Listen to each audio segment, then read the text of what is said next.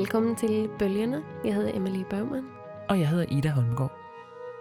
Det her er det første program ud af tre, der kommer til at handle om den svenske forfatter Birgitta Trotzig. En form for special Edition Bølgerne. Lige præcis. Og Emily, det var jo egentlig din idé, at vi skulle lave en, øh, en programrække om Birgitta Trotzig. Hvad, hvad er hun for en? Hvem er hun? Det er simpelthen en af de største modernister i Sverige. Og jeg tror ikke, det vil være en overdrivelse at sige, at hun er en slags svensk Inge Christensen. Nå, nå. Ja, intet mindre. Ja, altså også en meget indflydelsesrig øh, figur. Ja, det oplever jeg i hvert fald, når jeg læser svensk litteratur. Mm. At man kan se sådan en trodsig arv. Ja, altså hun skrev der i, øh, ligesom Inger Christensen skrev Ja, en efterkrigsforfatter. En efterkrigs. Kan man sige, en slags skandinavisk efterkrigsforfatter. ja, og, men hun er bare... Altså jeg må sige, jeg havde ikke hørt om Birgitta Trotsig, før du ligesom sagde, jeg synes, vi skal lave tre programmer om Birgitta Trotsig. øhm, og generelt er min opfattelse, at altså, når jeg har talt med, med folk om det rundt omkring i byen, der er simpelthen ikke særlig mange i Danmark, der har læst hende. Nej. Og det er jo helt utroligt underligt i forhold til, hvor stort et forfatterskab det er. Ja. Lige derovre. Lige, altså, Øresund er så smalt et hav. Lige derovre på den anden side. Ja. Så man kan vist godt sige, at vi har haft en, øh, en form for forhåbning om, måske at kunne introducere øh, Trotsi for jer, kære danske lyttere. Det kan man vel godt øh, erklære som vores ambition med de her tre programmer. Til at hjælpe os med at folde Trotsi ud, kommer vi i løbet af de her programmer til at tale med skandinaviske forfattere. Vi kommer til at tale med oversættere. Blandt andet jo dig, Emily, som har oversat Birgitta Trotsis prosadigtsamling Anima. Vi kommer til at tale med litterater, vi kommer til at tale med kritikere, og vi kommer sågar til simpelthen at flytte os ud af studiet på en udflugt til Göteborg. Ja, hvor vi har besøgt litterær gestaltning, mm-hmm. som jo øh, er en skriveuddannelse, som ligger i Göteborg. For at høre, hvordan det de unge svenskere har det med Birgitta Trotsi. Mm-hmm. Du sagde lidt om lige for lidt siden, at uh, Birgitta Trotsi var en efterkrigsforfatter. Vil du prøve at sige lidt mere om det?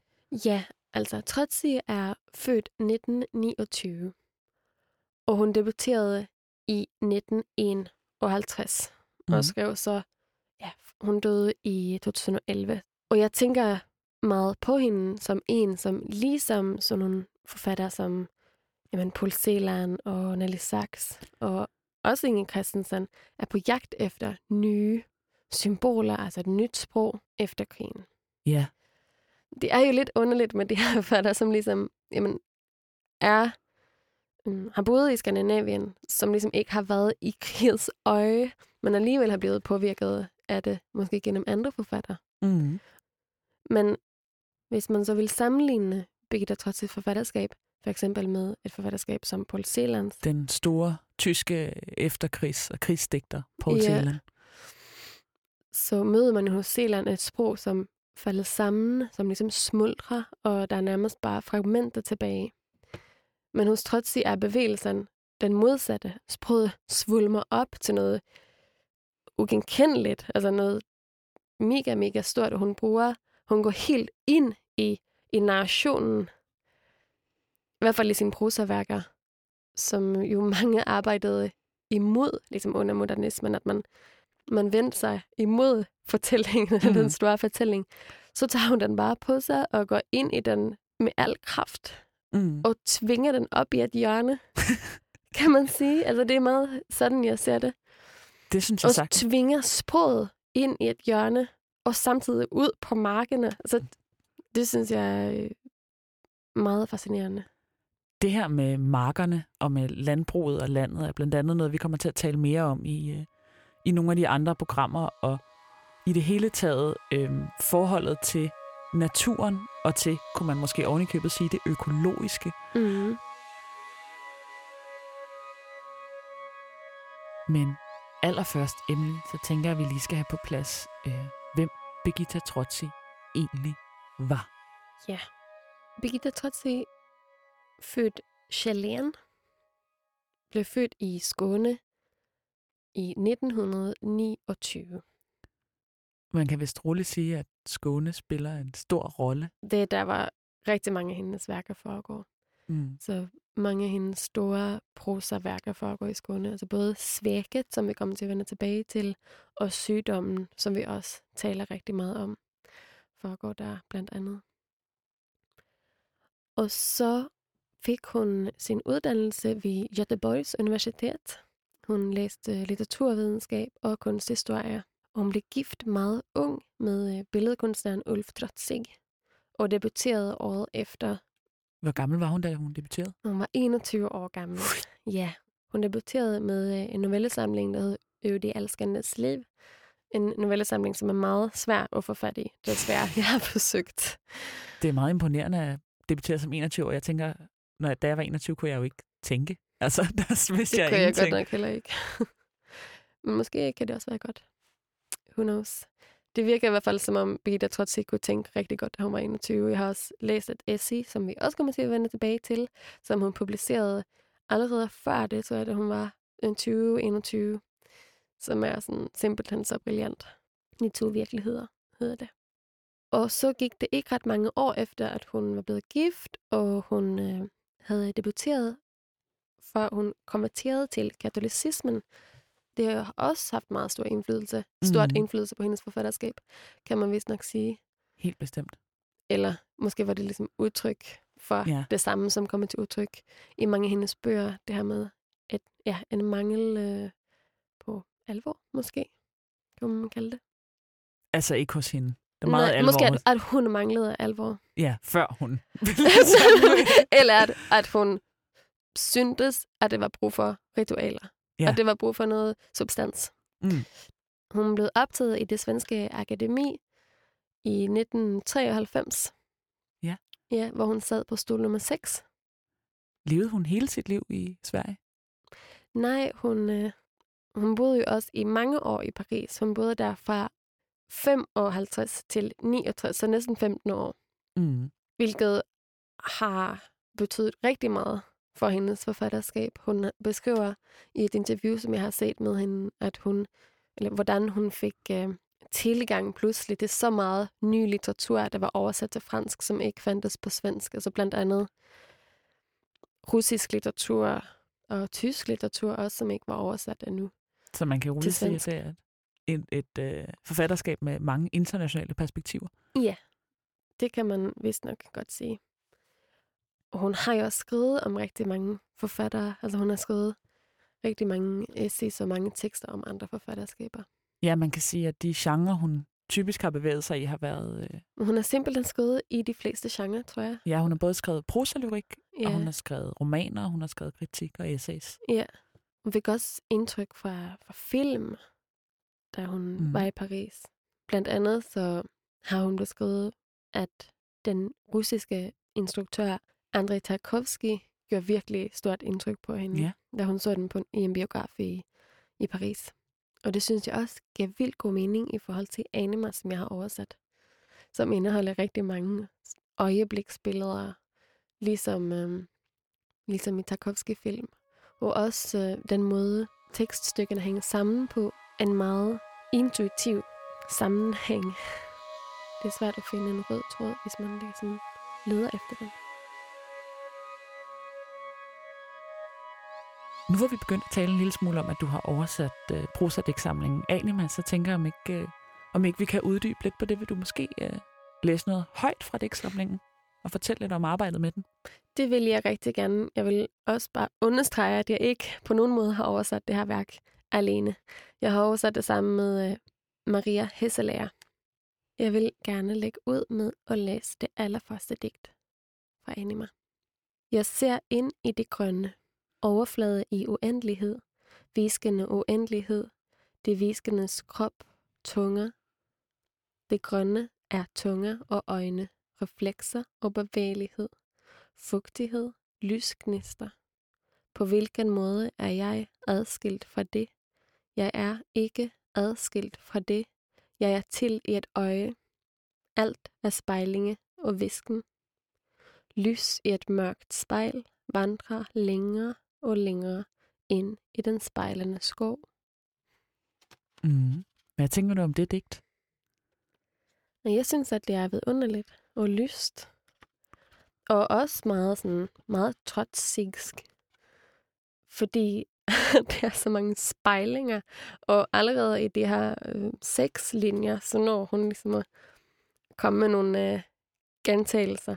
Mm, gentagelsen er virkelig noget, vi skal snakke meget om i de her Ja, programmer. Det skal vi. Den Men nærmest besværgende gentagelse. måske er det også lidt atypisk, fordi det er et så lyst digt. Ja, meget darkness. Der er ellers. meget darkness i hendes forfatterskab. Men også, altså lyset er også vigtigt. Ja, Der er ofte en lille sprække, hvor lyset kommer ind med fuld kraft. mm. man kan sige, det er også et, øh, et digt, som synes jeg sætter hende alligevel i forbindelse med nogle af de her andre meget højmodernistiske forfattere. Altså sådan noget med den der spejlskoven og Ja. nogle af de her sådan, øh, store poetiske billeder, og det her med at bevæge sig ind i et, et landskab, som næsten udelukkende består af, af billedlighed.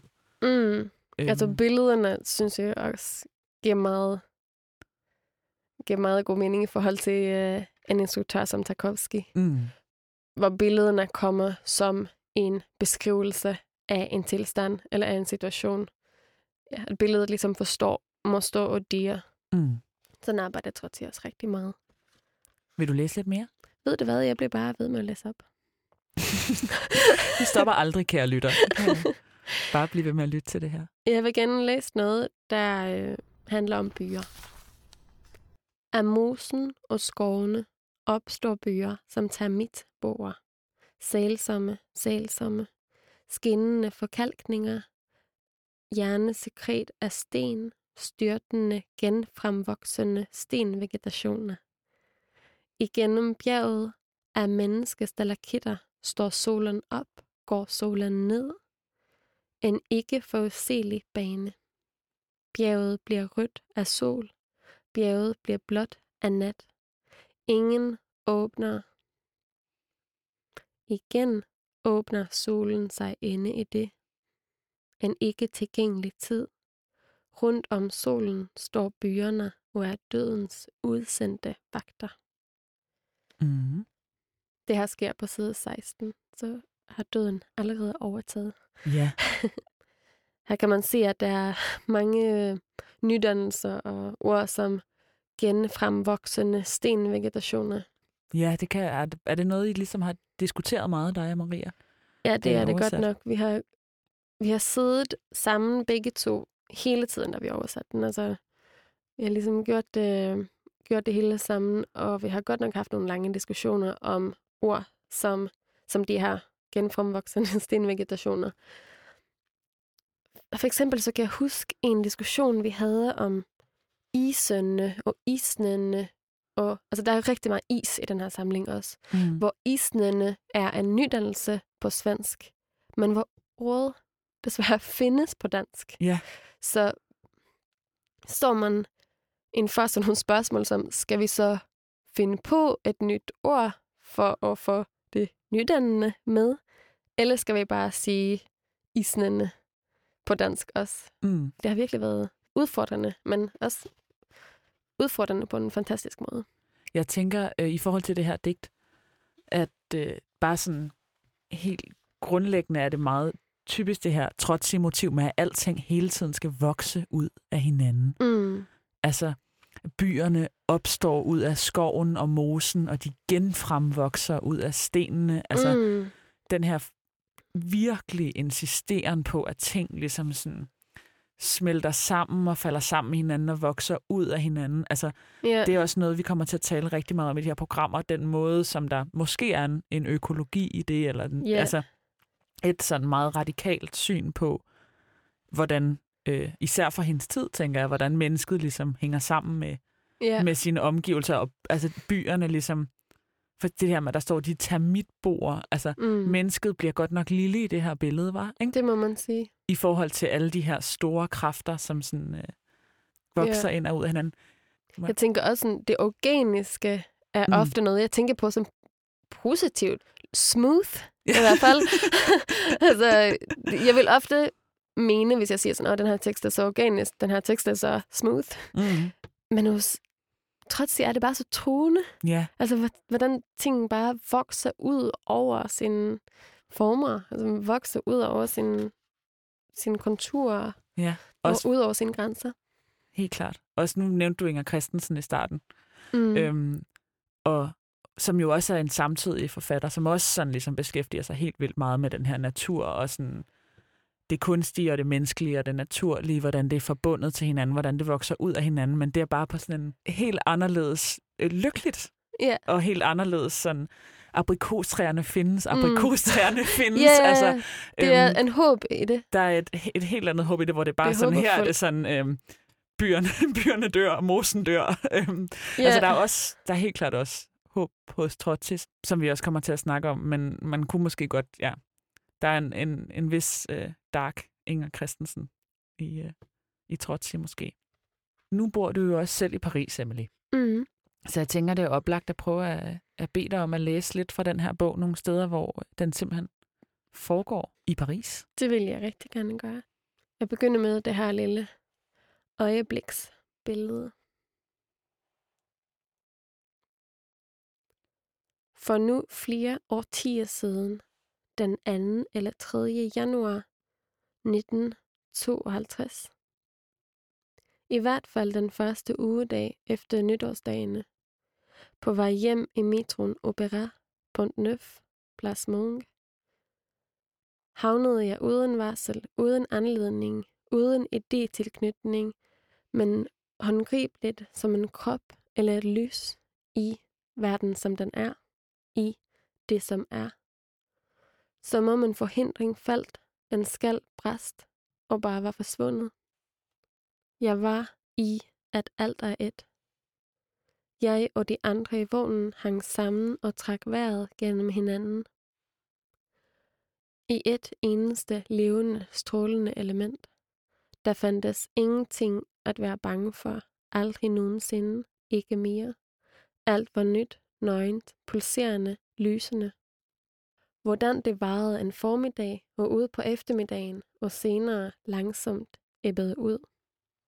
Mm. Et mirakel i Paris. Ja, altså jeg synes, at den her beskrivelse af det pludselige nærvær, eller den pludselige forbindelse, er noget, jeg genkender meget fra nydansk litteratur. Mm.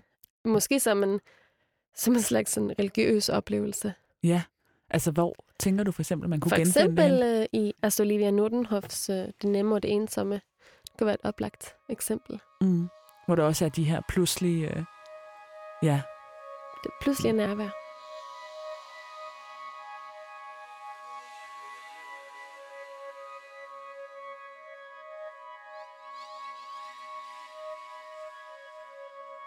Nu har vi jo allerede nævnt, at Birgitta Trotsig er katolsk øh, konvertit. Mm. Ida, du har tjekket lidt op på det, ved jeg.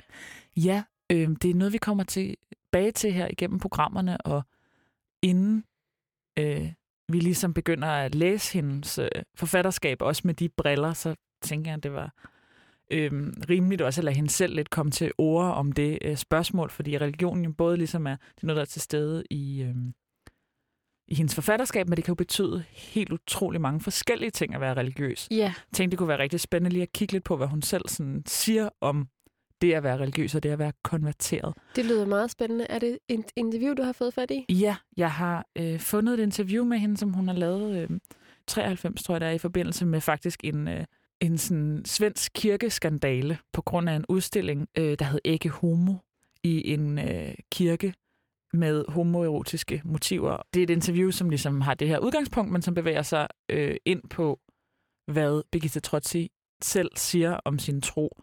Og noget, som er helt centralt for det her interview, er hendes afvisning af begrebet at adlyde. Mm. Hun øh, siger, at at adlyde er en syg ting, og det er ikke det, religion handler om for hende.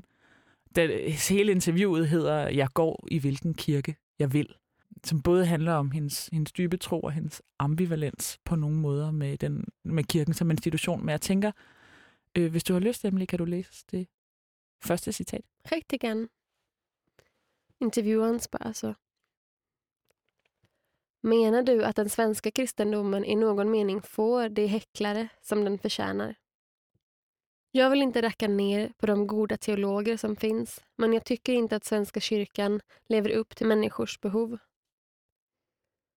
Det finns en oerhörd hunger efter verkligt religiösa uttrycksformer. det vill säga rituella och liturgiska uttryck. Det blir utarmat när riten består av en medborgare som ger nyttiga råd från predikstolen.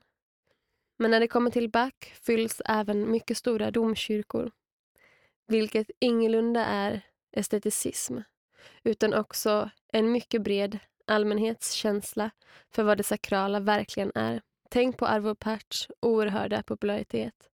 Religion handlar ju i första hand inte om kyrkor utan om att bestämma sig för att ha ett förhållande till Guds existens. Ja. Religion handler jo først og fremmest ikke om kirker, men om at bestemme sig til at have et forhold til Guds eksistens. Mm. Det er jo det, altså man kan sige, hvis man hurtigt skal gengive den her passage på, på dansk, så handler det om ligesom, hvordan hun, hun bliver spurgt, om hun synes, at øh, kritikken på nogle punkter mod den svenske kirke er berettiget. Mm. Og hun mener, at den, hun beskriver som, der er en, der er en hunger efter det virkelig rituelle, som Ja. man ikke får opfyldt ved, at øh, der står en medborger i form af den protestantiske præst og giver gode råd fra prædikestolen. Altså, en, øh, hun udtrykker ligesom en, øh, at der er et behov for, eller en længsel efter øh, religiøse udtryk, som er rituelle, som er liturgiske. Hun nævner bak som noget andet. Religionen kan være at mødes på nogle andre måder, end bare at man får nogle gode råd. Mm. Religiøsitet kan være så mange ting. Jeg synes faktisk, at religion ofte optræder i uh, Birgitta Trotzis tekst, eller Gud ofte optræder mest i sit fravær, altså sit lysende fravær, sit skrigende fravær. Mm. Så det kan også være en måde at gestalte Ja. Gud. Uden at være ekspert på emnet, kan jeg sige, altså, når man går, det har nogen, eller måske en del lyttere ligefrem prøvet, både at have været til en katolsk messe og til en øh, protestantisk messe. Altså, i protestantismen har man typisk hvide kirker, for eksempel. Ikke? Altså, der er ikke noget pynt på væggene, der er, præsten går i, i sort tøj, hvor de katolske kirker bare er sådan, præsten går i de her sådan vilde, Mm. spraglede kåber, man øh, dufter til røgelse, Mm. man synger meget mere frem og tilbage mellem præsten og menigheden. Og sådan, altså hun, skæld, hun, i det her citat, vi lige har læst, så siger hun ligesom, det her med at lade sig fylde op af ritualet eller af musikken, det er ikke et spørgsmål om æsteticisme, det er et spørgsmål om, at det er det sakrale. Altså, mm. øhm, at lade sig fylde op af den, sådan læser jeg det i hvert fald, at det er sådan udtrykshav, Ja. som både det sakrale, men også nogle gange Mm. verden kan repræsentere, ligesom den passage, du læste før med at være i metroen, ikke? at der kan metroen også pludselig være Ja. det rum, for noget min øh, yndlingsdel af at være i katolsk kirke er det tidspunkt, hvor man giver hånd til hinanden alle sammen. Det er godt nok også et af mit yndlingssteder. Ja. Ja. Jeg tænkte på i forlængelse af det her med, med kirker og forskel på kirker, om du vil læse det næste citat højt Ja. også. Så gerne. Mitt förhållande till kyrkan är konstant disharmoniskt, liksom individens förhållande till kollektivet och dess ibland barbariskt förenklade normer alltid är. På samma sätt är kyrkans eller kyrkornas liv och utveckling en oerhört synlig, ofta groteskt övertydlig dialektik mellan gammalt skal och nytt liv mellan det värsta och det bästa, mellan storinkvisitorn och hans tyste, milde motståndare. Det synes jeg på en måde er ret fin sammenligning, hun kommer med her. Altså hun sammenligner det at være et medlem af en kirke med det at være et medlem af et samfund. Ja. Altså, at man godt kan føle sig som et medlem af for eksempel et demokratisk samfund, og stadigvæk blive for eksempel forfærdet over, at samfundet nogle gange kan være barbarisk og uretfærdigt Mm. og gammeldags. Ja. Altså, hun siger det her med, at det nogle gange er sådan grotesk overtydeligt, hvor på én gang ja, sådan konservativ og forstokket, og alligevel mild og smuk kirken Ja. kan være. Ja. Det sidste øh, citat, jeg har valgt at tage med fra det her interview, er øhm, et citat, hvor hun taler om at læse Bibelen, og om at læse Bibelen som tekst.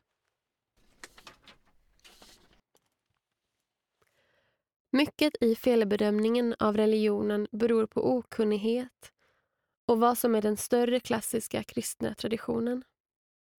Och ett av grundproblemen i den katolska lärdomstraditionen är hur man kunskapsmässigt ska förhålla sig till de olika uttryckssätten, de olika bildskikten i skriften. Vilken sorts kunskap en viss litterär genre vill förmedla. Gamla testamentet, detta vilda panorama över mänsklighetens tillstånd är ju sammansatt av flera årtusendens lager av medlande former. Där finns historiska berättelser, som i krönikeböckerna, sagor som Ester, folkliga bröllopssånger i en mystikens undertext, som Höga visan, rituella dikter i Salteren, lyriskt drama som i Jobb, profetior och så vidare och så vidare. För varje art måste man känna och forska sig fram till vilken sorts kunskap just denna bok vill förmedla. Det er jo også virkelig spændende i forhold til, at vi har med en forfatter at gøre, ikke? At hun Mm. skriver om her, øh, der er en mangel på kunskab, når man taler om religion. At der er en mangel på kunskab i forhold til, øh, at Bibelen er et stilistisk forskelligartet Ja. dokument. Og hvor, altså, hvordan kan man ligesom... Der, der er sagaer, der er krøniker, der er årtusind beretninger ved siden af bryllupssange. Ikke? Mm. Altså, der tænker jeg bare, at hun også virkelig taler som en skrivende trone. Helt sikkert. Også spændende i forhold til en forfatter, der har skrevet, der selv har skrevet i så mange forskellige genrer, Mm. og som selv ligesom blander højt og lavt. Altid. Det, det er faktisk noget, hun konsekvent gør. Altså blander det, det høje og det lave og binder det sammen. Fletter det sammen på forskellige måder. Hvad mener du med det høje og det lave? Øh, det lille og det store, eller Mm. sådan, men hun kan skrive om tro og om et insekt i Ja. en selv samme sætning. Det synes jeg er ret spændende. Helt klart. Jeg tror også, det der, altså sådan, det jeg synes, man bare kan læse ud af det her interview, som jeg virkelig vil anbefale folk at læse i, det, i sin helhed også, det, det hedder det her, øh, jeg går i hvilken kirke jeg vil, er, at hun bare har sådan et enormt dynamisk, kritisk, genfortolkende forhold til sin tro og til det tro samfund, hun er en del af, som jeg bare synes er helt vildt inspirerende. Ja, Altså, hun taler også for eksempel rigtig meget i det her interview om sådan Maria-troen, altså troen på Jomfru Maria, og hvordan hun er ked af, at Guds kvindelige dimension, og hvordan hun er sådan ked af, at det er forsvundet ud af meget moderne religion. Øhm, ja, og taler om, at hun læser øh, den jødiske Kabbalah-tradition, som er en jødisk mystisk tradition. Det er også noget, det her sådan, øh, med det mystiske, er noget, vi vil vende tilbage til os. Og sådan, hun, ja, på en måde formår at bekende sig til noget og blive en del af det, men samtidig også ligesom sk- skabe sit helt eget øh, forhold til det og sin egen læsning af det. Det synes jeg også, det der med ligesom at sådan, ture melde sig ind. mm, Altså, ture sige sådan, jeg går ind for den her tro, eller jeg går ind for det her, og samtidig ligesom ja. bevare sin, sit kritiske, sin kritiske mulighed. Sådan synes jeg virkelig også, at hun gør i forhold til skrivende, og i forhold til litteraturen. Ikke? Hun går virkelig ind i det fuldstændig frygtløs Mm. og bekender sig til det. Ja.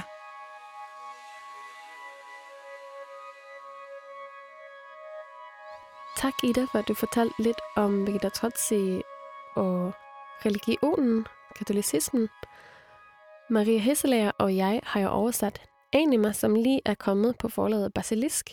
Men der er faktisk også et andet Totsi-værk, som er undervejs lige nu, som er oversat af Malte Tellerup. Det er Sygdommen, og Ida, du har også mødt Malte. Ja, jeg har nemlig mødtes med Malte til en snak om, øh, om oversættelse, om Trotsi og Trotsis sprogs forhold til det skånske landskab og øh, den lokalitet i det hele taget, altså til det lokale. Og det øh, vil vi simpelthen spille for jer nu.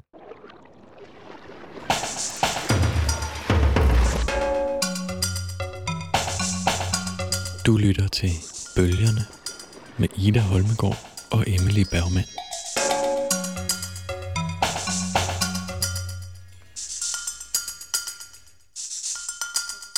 Velkommen til dig, Malte Tellerup. Tak. Du er jo kommet med i studiet i dag, fordi at du er i gang med, eller har du færdiggjort? Nej, jeg er ikke færdig. Du er ikke helt færdig. Du er i gang med at øh, oversætte Birgitta Trotsis sygdommen fra svensk til dansk. Øhm, og hvis jeg lige kort må introducere dig, så debuterede du i 2017 med romanen Markløs, så du er også selv skrivende, men er også øh, kendt med i litteraturvidenskab og redaktør på forlaget Arena. Ja. Øhm, men det, vi skal snakke om i dag, det er jo den her Trotsi-bog, Sygdommen, som du har oversat, og dit arbejde med den. Ja. Det har jeg i hvert fald glædet mig rigtig meget til. Ja. Og tak, fordi du havde lyst til at komme på den her. Det er sådan et meget forfærdeligt regnvejr udenfor.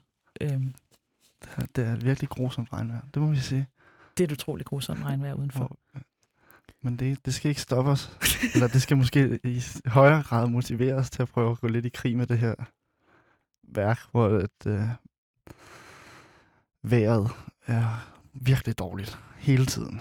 Det regner også en del Øh, hos Trotsi. Det må Ja, men sige. det er også, når solen skinner, er det også forfærdeligt. Ja, det er rigtigt. altså, så er det det- det blændende hårde lys. Ja, og alting tørrer ud. Altså, det, er, Ja. det, er, det er virkelig sjældent, at øh, omgivelserne gør noget godt. og på den måde er det en ret, det er en ret grusom bog, eller en dyster bog. Ja, Øhm, men vil du starte med at fortælle lidt om, hvad det er for en bog, altså hvad den handler om?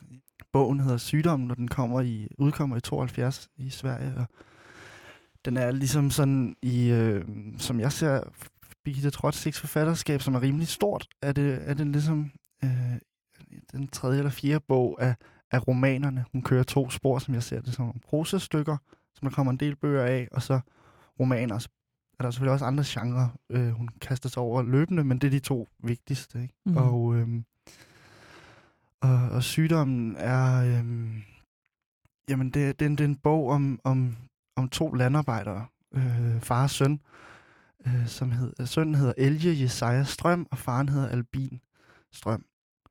Og øh, de, de bor i, øh, i sådan en længe for landarbejdere i, ude i en roe, roebunde Mm. i, øh, i Sydskåne ved Skurup, altså næsten helt nede ved, ved vandet, ved kysten.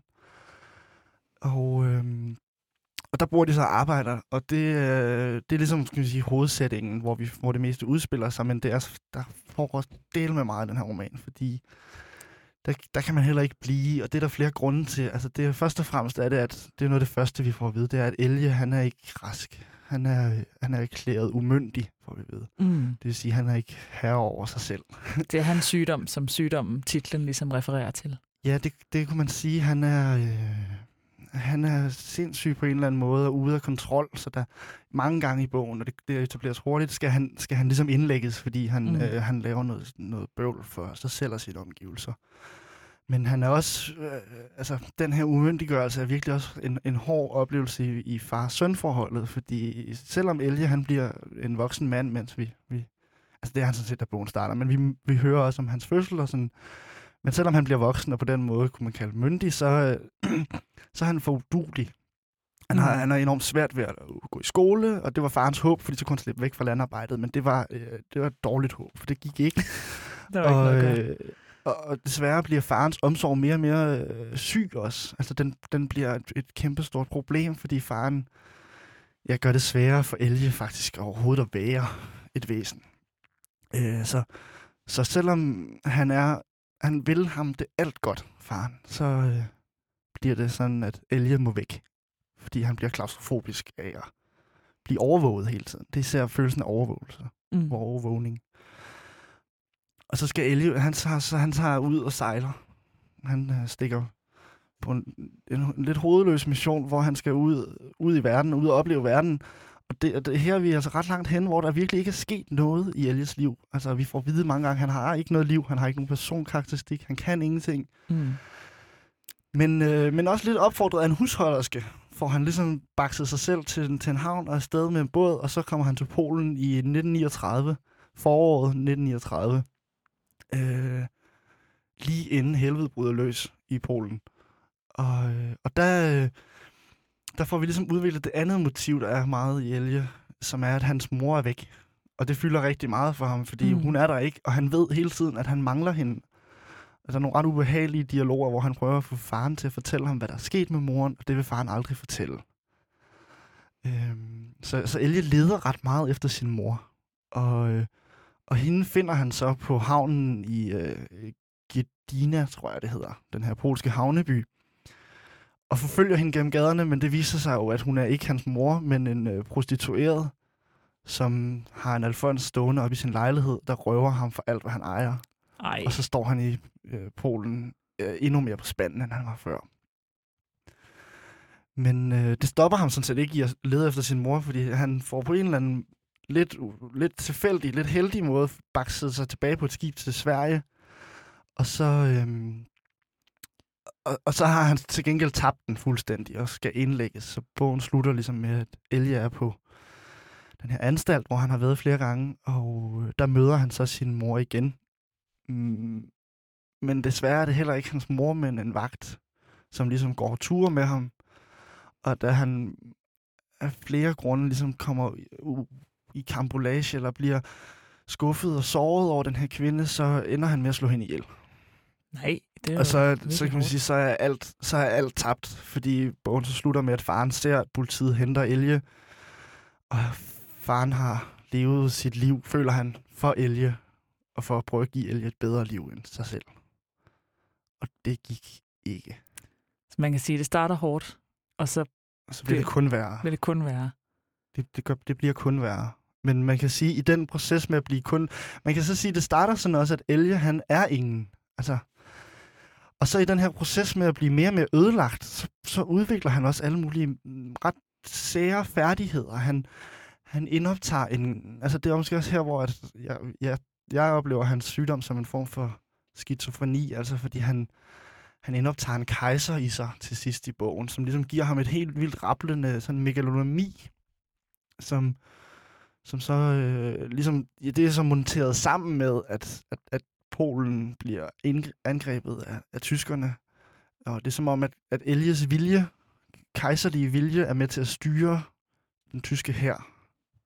Så, så man kan sige, selvom han bliver mere og mere destrueret, øh, så, så får han faktisk også lidt i sådan en klassisk dannelsesromans perspektiv, øh, altså udviklet sig i løbet af sine Ja. mærkelige rejser. Der sker noget. Øh, Der sker noget med Elge. men, men han er jo så...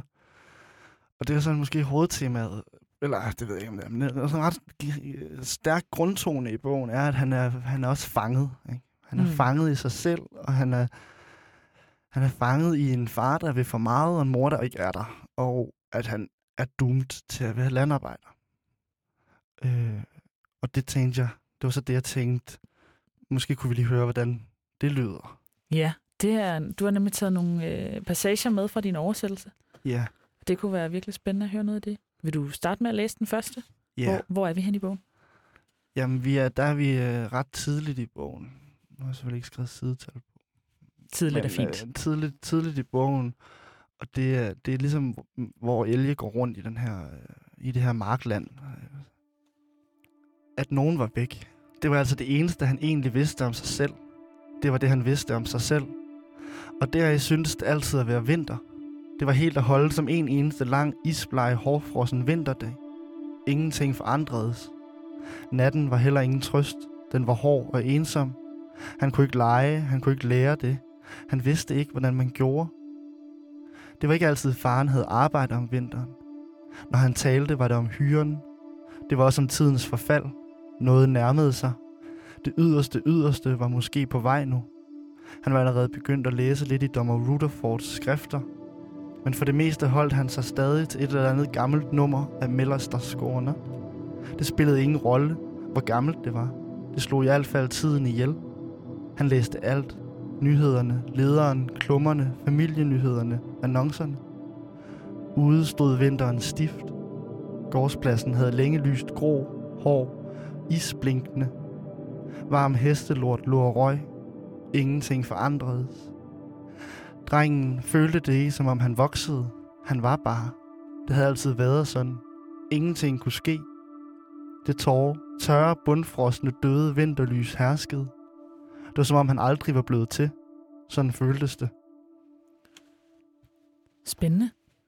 Ja. Øhm, Jeg tænkte, det kunne være spændende nu, hvor det er dig, der har oversat det her, at tale en lille smule om øh, ja, sådan hendes sprog og syntaks, altså hvad der er, der ligesom helt konkret foregår i den her, Ja, det er, jo- det er jo, den her tekst. det er jo uomtvisteligt et, et ret særligt sprog, hun har, og det, øh, det, det kan man jo, øh, det opdager man allerede på den første, de første par sætninger, jeg læste højt, ikke? Altså, mm. at nogen var væk. Det, det, det skal starte med den her at-struktur, som, som jeg i hvert fald bedst kender fra sådan noget Hans Otto Jørgensen, eller sådan nogen, hvor, hvor der, man har sådan en lidt flagrende sætning, der, mm. der, der tit mangler et eller andet. Det, sådan, det, det antyder, at der er noget mere øh, end den sammenhæng, som der faktisk er på siderne. Det næste, der så ligesom foregår, det er det her med, at det eneste, han vidste om, det var det eneste, han vidste om sig selv. Det var det, han vidste om sig selv. En, en, en for mig super underlig vilje til at gentage sig selv. Det gør den her bog enormt tit, og øh, nærmest ordret ofte, men også hvor det sådan muterer, eller hvad skal man sige, sætningerne kan forandre sig, men, men man, når man læser hele bogen, så genkender man dem. Så den spiller, altså, eller hun spiller, Trotsik spiller ret tit på det her, med at ligesom have nogle øh, refrænger, som hun, som hun ligesom bygger op om, og som så kan vokse. Eller sådan. Og her, i det her stykke, der bliver refrænger i, i høj grad, jamen en ting er, at han, det eneste, at han ved kun én ting om sig selv, det er, at han mangler nogen. Og det andet, det er ligesom, at intet kan ændre sig. Mm. Altså den her totale låsthed, som, øh, som der ikke er nogen mercy for, ikke? Altså natten var heller ingen trøst, og han kan heller ikke lege sig ud af det. Nej, og det er som om, at den der øh, uforanderlighed også er det, der bringer øh, årstiden vinter med sig. Ja. Fordi det er der, hvor der ikke sker, eller hvor der ikke er noget, der kan gro. Der står det der med, at øh, det var det eneste, han vidste om sig selv, og deraf synes det altid at være vinter. Ja, og det er også en, det er også en rigtig god sætning at få på, fordi egentlig så er det, det er måske lidt af jump, men altså det her, hvor jeg som oversætter nogle gange er blevet virkelig frustreret, fordi at hun har det med at bruge sådan nogle, hvad der føles som ret arkaisk, altså gamle vendinger. Hun skriver også tit ty, altså ti, Mm. et eller andet. Øh, og det der deraf syntes det altid. Der, der er sådan en, øh, en højstemthed over nogle af hendes sætninger, som, som kan være svære at forene sig med, men som er totalt central, fordi det her er et, øh, på sin egen ballade måde et, et meget religiøst øh, sprogunivers. Mm. Så det trækker også på sådan et bibel, øh, Ja, lige præcis. et bibelsprog. Det er lige præcis det. Øh, og det er både øh, altså syntakser og, og også grammatikker, og ligesom også den her mærkelige vilje, og det kunne man også måske, uden at jeg har lavet den analyse, man kan godt tænke, at sådan, Bibelen er også en tekst, som har det med at gentage sig selv i uendeligheder. altså ligesom bruge den der gentagelse ja. Til at opbygge hellighed. Og det, det, det tror jeg på en eller anden måde giver mening at sige. Det, det foregår også i sygdommen og i Birgitte sådan, skrift i det hele taget. Øhm, Men måske også den her, synes jeg, når du siger det der ti, eller og deraf, at, og i virkeligheden også, at nogen Ja. var væk. Altså det er ligesom sådan nogle sætningsstartere, som peger på, at det er en følgeslutning af noget andet. Altså ja. øh, ti, det her, øh, årstiden er sådan her, og så var det, og det afsted kom så, at øh, sjælen havde det på den her måde, eller omvendt, ikke? Ja, det har, altså det er jo der, hvor det også ligesom bærer det her skæbnepræg. Altså det, eller det får det her Mhm. skæbnepræg. Det, det er på sådan, jeg ved ikke, om man det, det kan kalde det subtilt, men det har jeg lyst til at kalde det. altså det er på en måde sådan nogle lidt subtile ting, fordi man får ikke at vide, altså hvis du skal tænke på sådan en, en rigtig skæbnefortælling fra Bibelen, så er det jo sådan der, hvor han, øh, hvad er nu er på, øh, disciplene, der ligesom får at vide af Jesus, jamen du har for- forrådt mig tre gange inden hanen galer, ikke? Mm. Og så siger han, det kommer ikke til at ske, og bla bla bla, og selvfølgelig kommer det til at ske. Ja. Og, og, og vi har ret tidligt et skæbneagtigt præg med Elge, men vi får ikke rigtig at vide, hvad det er, der kommer til at ske for ham, eller hvordan hans, hans skæbne egentlig ser ud, andet end den ser ret sort ud. Ja, man ved det der, ingenting Det, det ser, forandres. ser umiddelbart ret sort ud. Ja. Øhm, og, og så er det også, altså, det er bare sådan, som skrivende, tror jeg, jeg synes, det er fascinerende, at, at når, der, når der står det her, og ingenting forandres, så har vi en ja, næsten 140 sider i starten af romanen, synes, sådan cirka, hvor der faktisk ikke sker ret meget. Altså forbavsende lidt udvikling, der foregår. Mm. Øh, men der er masser om Elges hverdag og arbejdet, og at han vokser op, og nogle forskellige konflikter, og nogle anfald, og sådan. Og, og årstiderne skifter også, så på den måde, der går en masse tid, men, men man sidder tit som med sådan en fornemmelse af, at tiden er fortættet. Og at også, altså ligesom også skriftens tid er fortættet. Og det tror jeg, hvis man nu har lidt svært ved, ved forfatterskab, så kan man måske synes, det er kedeligt, men jeg synes, det er sådan ekstremt fascinerende, at hun kan skrive sådan en, en underlig tid, der ikke går. Og jeg er helt med, jeg, altså jeg er helt solgt på ideen om, at jamen, øh, det, der kommer ikke, det kommer ikke til at forandre sig. Mm. Men som man ligesom hørte allerede i mit handlingsreferat, at der, selvfølgelig kommer det til at forandre sig. Ja. Der kommer til at ske alt muligt andet. Men man... Ja, men det er det, der er sådan også en, en hæftig autoritet, der bliver, der bliver slået an i det her med, at øh, sådan, er, sådan er tingene. ja. Sådan ser virkeligheden ud. Slut. Jamen, det har måske også ret meget at gøre med den her fortæller, altså. Øhm, for det er jo ikke, det er ikke Elge, der taler i bogen, Nej, selvom det er ham, der er hovedpersonen. Det, det, det har det helt klart, altså, fordi fortælleren er... Ja, altså... Det, ved- det, det ved jeg ikke rigtig sådan... Det, det tror jeg ikke, man skal sige til min prof, nogle professor ude på litteraturvidenskab, men jeg har da sådan lyst til at sige, at fortælleren bruger elge Mm. ret meget til ligesom at også, også at udvikle sin, øh, sit, sit eget øh, komplekse forhold mellem skal sige, menneskenes verden og det, der er omgivelserne for menneskenes verden. Øh, og de sammenstød og frustrationer, eller måske mere konflikter og ødelæggelser, der kan ligge i de, øh, de betingelser, man giver hinanden. Øh, både mennesker imellem, men også øh, mennesker øh, over for naturen, kunne man kalde det. Måske er omgivelserne bedre over naturen, Mm. og, og også ligesom, hvad omgivelserne så gør for menneskeverdenen i en specifik situation.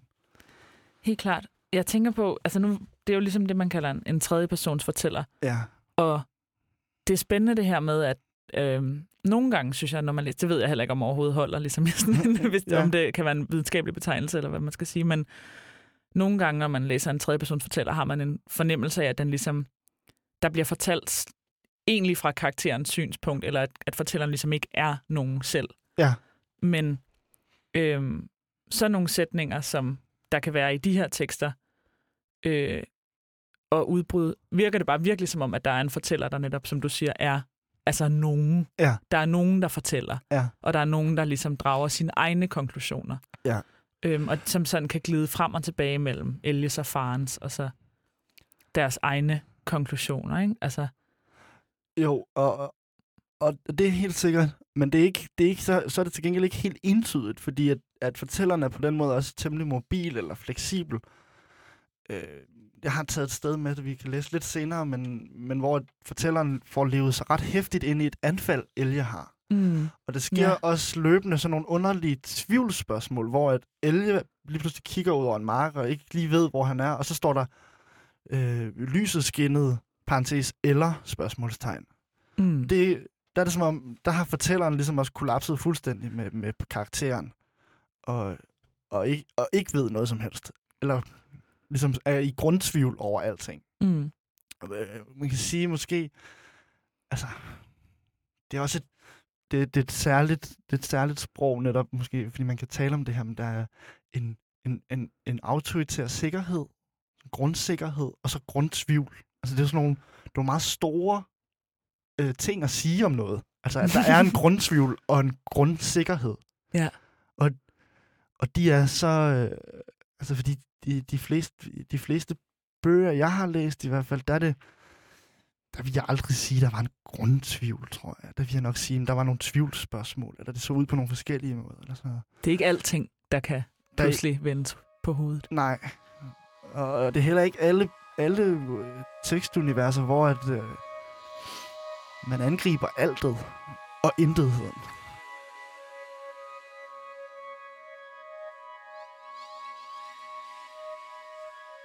Hvis man sådan skal vende tilbage til, at du siger det der med, at hun nærmest nogle gange, det kan virke som om, hun låner tone Mm. fra Bibelen. Altså, det er jo Mm. også en ret hissig ting at gøre. Altså, Mm. at begynde at mime eller skrive ny, sådan hellig Jamen, tekst, måske. det er det, der, det, det, jeg synes er rigtig vildt her, faktisk. Fordi at jeg har sideløbende med at være meget fascineret af Birgitta Trotzigs forfatterskab, også været meget fascineret af Sarah Liedmann, som er Mm. hendes cirka samtidig, øh, som, som, som skriver om Nordsverige. Og, og der er også et stærkt religiøst sprog i Sarah Liedmanns bøger.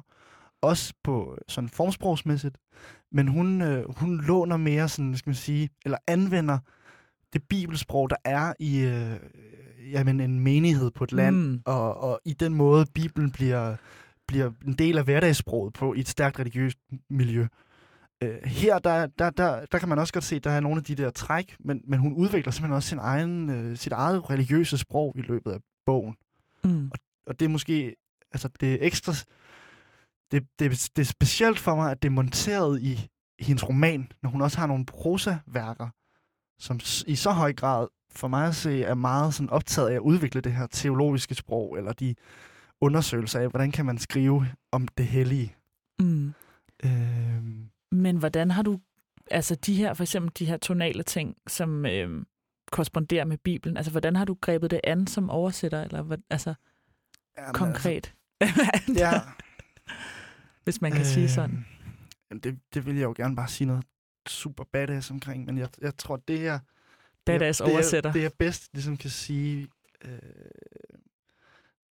eller det, jeg tror, jeg bliver nødt til at vende spørgsmålet om for at svare på det, fordi jeg har, jeg har været meget optaget af sådan, hvis man sige, særsprog i min, i min første roman. Og det, det er jeg også i den bog, jeg prøver at skrive nu. Og øh, i den forbindelse har jeg så ligesom ja, været meget optaget af Bibelens sprog. Og hvad for noget, prøvet at opsøge nogle forskellige ligesom, steder, hvor man kunne se det udvikle sig. Og, og det er nok i den, igennem, at, at den vej, jeg er kommet med ind i det her Birgitta Trotsi-univers, Eller sådan. Jeg har været meget fascineret af det. Og så vil jeg så sige, jamen, så kunne man jo så sige, at jeg skulle måske... Det, er sådan ret, det gør det ret intuitivt, når jeg så prøver at oversætte det, jeg afkoder som, som bibelske øh, variationer. Øh, der har jeg på fornemmelsen, at jeg, jeg sidder... Øh, eller jeg, jeg, jeg, jeg skal sidde og redigere en, en bog på Arena nu af Flannery O'Connor, som, som, øh, som Carsten Sand Iversen har oversat. Jeg kunne godt frygte, at han ville, øh, han ikke synes, det var helt, helt, godt, helt godt nok det svar, jeg lige har givet. han, jeg, jeg tror, han ville kræve, at man var mere grundig i sin, øh, mm. sin måde at opsøge det, det bibelske særsprog på.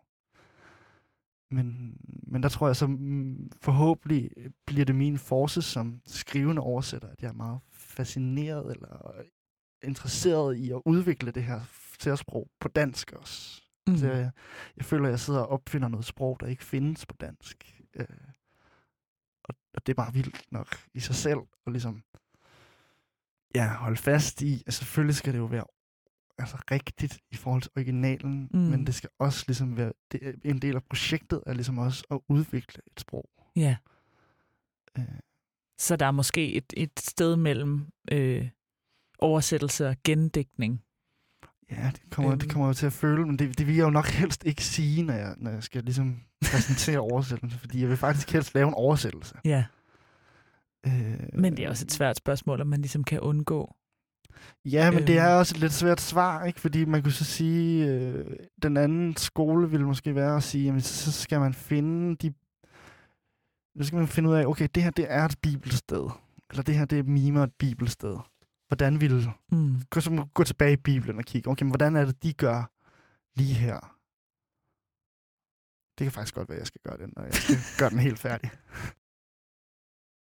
jeg vil lige have hæftet mig ved, med noget lidt mere profant, eller sådan, ja. øh, som jeg synes også er væsentligt her, og som er, som er lidt sært for hendes sprog. Det er de her kæder af, af adjektiver, eller adverbier er det også mm. nogle gange, øh, som, som jeg bare sådan, sådan, på en eller anden måde, jeg føler mig sådan lidt opdraget til eller skolet med, at man må sgu ikke, man må sgu ikke sætte tre adjektiver sammen. Man må sgu fandme slet ikke sætte fire, det er maks to, og så skal man helst spare lidt på dem. Og der har hun, hun makser bare fuldstændig ud. Altså det der med, som en eneste isbleg, hårfrossen vinterdag, eller lyst, grå, hår, isblinkende. En helt sær kæde. Og så nogle, så nogle af bogen bare fuld af, hvor hun udvikler sådan nogle lange, jeg kan sige, sansindtryk, særligt af, af, af omgivelserne. Mm. Hvor hun også får opfundet nogle sammensatte ord, der ikke findes, og ligesom bygger Altså, hun gentager mange af de her kæder, men bygger dem op og bygger dem om. Og, øh, og på den måde, på en eller anden måde, får os, jeg siger, hun kan skrive om, om ingenting, eller sådan, om ingen forandring, så kan hun ligesom også på den måde gå meget ind i nogle detaljer, og, og navigere rundt om, jamen, en vinterdag, øh, den er beskrevet på hav måder i den her bog, afhængig af, hvor vi er stemningsmæssigt, og, og hvad for nogle zoombevægelser, der ligesom bliver lavet, og detalje, hvad for nogle sanseligheder, der skal detaljeres. Den gør det helt fantastisk, at den, den vil sige, det, du har en hård vinterdag. Hvis du ser for dig en landarbejder en hård vinterdag, så har du på en eller anden måde allerede en arketype. Mm. Og det, det kan man sige, så får vi monteret den, men den bliver også hurtigt afmonteret eller bygget videre. Det er ikke, det er ikke arketypen vinterdag, eller forårsdag, eller sommerdag. Det er ligesom nogle, der, der, der bliver lagt mange flere følelser og sanseligheder ind i de her årstidsskift, som man har nogle bestemte registre for. Ikke? du har altså, Vivaldis fire årstider, ikke? så ved du, hvad for nogle stemninger der er, de mm. repræsenterer. Ja. Og det sindssyge næsten er jo så, hvis du, tænker, hvis du først begynder at tænke øh, arketyper her, så bliver du saftsus med skubbet, når du kommer til forår. Eller især når du kommer til sommer, for der er bare dødsondt i sommeren. Altså. Ja. Det er næsten endnu værre end vinteren, fordi i sommeren der er man nødt til at være udenfor hele tiden. Altså, skinner solen dræbende hårdt og blændende, og alting tørrer ud, og man er fanget i lerjorden. Og den giver intet, fordi den bare taber al væsken og sprækker. Altså opmærksomheden, der bliver lagt fra fortællerens perspektiv, Mm. øh, den, den, den, har, den, den, den er ret stærk til at glemme, at en roman er en kronologi, hvor man læser fra A til Z. Mm. Det, det er den faktisk pisse ligeglad med. Ja. Øh, samtidig med, at den har den her helt klassiske romanopbygning. Og det, det er nok en af grundene til, at jeg har... Altså, at det er også som skrivende person selv, at jeg har valgt at, at, prøve eller at oversætte den her bog. Fordi det, jeg synes, det er ekstremt fascinerende, at den måde, at det er bygget sammen med et... Øh, ja, jeg ved ikke, om man skal kalde det klassisk, men i hvert fald et genkendeligt romanplot og en romanstruktur. Ja, altså en, en persons liv, han bliver født på en eller anden måde, og så sker der nogle ting med ham, og så er han på en anden måde til sidst. Ja. Ja. Ja. Sådan, det er en rimelig sådan... Øh, hvad, skal vi, hvad, kalde ham? hvad vil du kalde det? Jeg vil kalde det en klassisk fortælling. Ja, eller en dannelsesroman, ikke? Ja. som du også har snakket om Ja. tidligere. Samtidig med, men altså, det kan jeg sgu godt forstå, at man som prosa-forfatter gerne vil oversætte noget, som laver sådan noget her vildt crazy shit, som virker. altså, altså, fordi det er vel også en, eller nu, jeg har ikke selv oversat så meget, men det tænker jeg bare umiddelbart, at øhm, som skrivende er der også nogle, altså så undersøger man også ligesom andre forfatteres tekster og prøver at finde ud af, hvad er det præcis, de gør, eller sådan, hvad, hvad er det i deres tekster, der får dem til at ja, være på den måde, de er. Det må man vel få et meget intimt blik på som oversætter. helt klart. Og øhm, det, det, det, det er for mig sindssygt givende, fordi mit, det er meget den sprogtone, jeg øh, udforsker, eller lige nu undersøger, det er sådan nogle nuanceringer af noget meget, altså noget meget lokalt. Mm. Øh, både, både, især sanselighed, men også sådan ligesom dramaer og personlige historier. Og det, altså, det, er, det er bare ret fascinerende, hvordan det her sprog, det, det er så lokalt. Altså, skal vi sige, i, det, det, der er kun de ord til rådighed ret meget, som, som der er i Skurup. Og, og i, i Skurup er der roer og ler og en stor himmel, for eksempel. Det er nogle af de ting, der er. Nogle af de store ting. Ikke? Og så derfor er den her lerjord, et, et, et, altså ordet for ler, det skal bruges på, altså det bliver makset fuldstændig ud. Det potentiale, sådan ser jeg det. Og det, det, det gør det bare enormt fascinerende, ligesom at sidde og undersøge, når man, er, når man nørder sprog på den måde. Altså hvor man prøver at bygge, bygge et sprog op om noget, noget materielt forankret, øh, eller hvad man skal kalde det. Ja, Ja. det forstår jeg godt. Jeg har aldrig læst noget, hvor der stod jord så mange gange, Nej. Som når jeg læste Birgitta Trotzi. Altså, det er helt utroligt. At alting kan ligesom er hele tiden lidt i fare for skrådstreg på vej til at blive til noget, noget jord, simpelthen. Ja. Altså, eller er allerede noget jord. Det er ret vildt, altså. At der ligesom, ja, der, jeg tror også tidligere, vi talte om den ursuppe, eller sådan den, øh, Ja, der er sådan nogle, ja, jordet, jorden og leret og, og marken og vinteren og sådan noget. ja måske vil jeg lige prøve at læse et, et eksempel, jeg bare har taget med, fordi jeg synes, det var en, jeg husker det, som jeg bare synes, det var en vild måde at beskrive en, en omgivelsessituation på. Klart. Det fra lidt senere i, i bogen, hvor der står, i februar begyndte det samme bare i omvendt rækkefølge at ske som sidst i efteråret. I den, hvidlige, i den hvide, vinterurolige dis begyndte det at flimre stille, vivle og forandres. Det sneede igen for første gang i meget lang tid. Den grå snedis bøjede sig som vandbobler. Verdenen blev en stor boble. Nu dryppede og fugtede alt. Snishap i forstuen. Alt var pludseligt smelte, fugt, forvirring. Det lignede ikke noget som helst, og kunne heller ikke kaldes for noget. Det var ikke vinter, som vinteren havde været, men heller ikke rigtig noget andet endnu. Bare en uskarp smerte gjorde ondt et sted. Man kunne ikke pege hvor, og måden det føltes på var for øvrigt også aldeles unævnelig.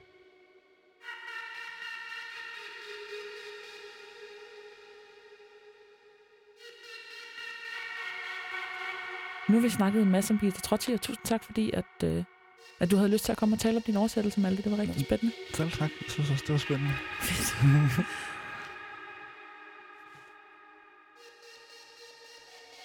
Det var alt for bølgerne den her gang. Tusind tak, fordi I lyttede med, og vi håber også, I kommer med til Göteborg i næste program. Vi skal lige huske også at sige tak til Nordisk Kulturfond, til Fondet for Dansk-Svensk Samarbejde og til Statens Kunstfond for støtte. Og tak til Malte Tellerup. Og tak til jer, kære lyttere, fordi I lyttede med.